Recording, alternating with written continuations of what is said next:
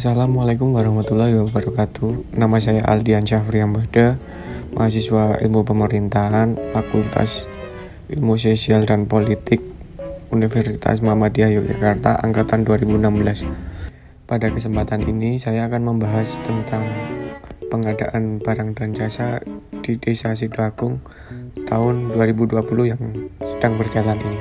Secara umum, pengadaan barang dan jasa merupakan suatu kegiatan untuk memperoleh barang atau jasa yang prosesnya dimulai dari perencanaan kebutuhan sampai diselesaikannya seluruh kegiatan untuk memperoleh barang atau jasa.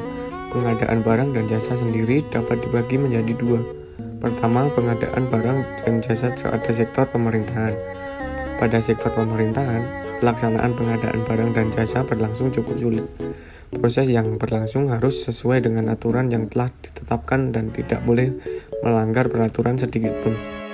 Seluruh kementerian, lembaga, dan pemerintah daerah dituntut untuk bergerak cepat serta bahu-membahu dalam menyikapi pandemi COVID-19. Salah satu tuntutan tersebut adalah perubahan anggaran yang ditujukan untuk mengatasi pandemi.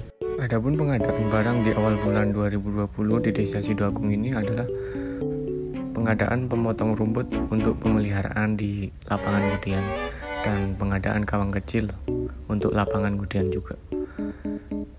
Selain itu, ada juga pengadaan aspal jalan karena akses jalan di desa Sidagung ini banyak yang rusak. Tetapi di awal bulan Maret 2020, anggaran dana desa hampir 80% untuk kebutuhan COVID-19 ini. Pemerintah Desa Sidoagung dituntut untuk melaksanakan petunjuk dan kebijakan pemerintah.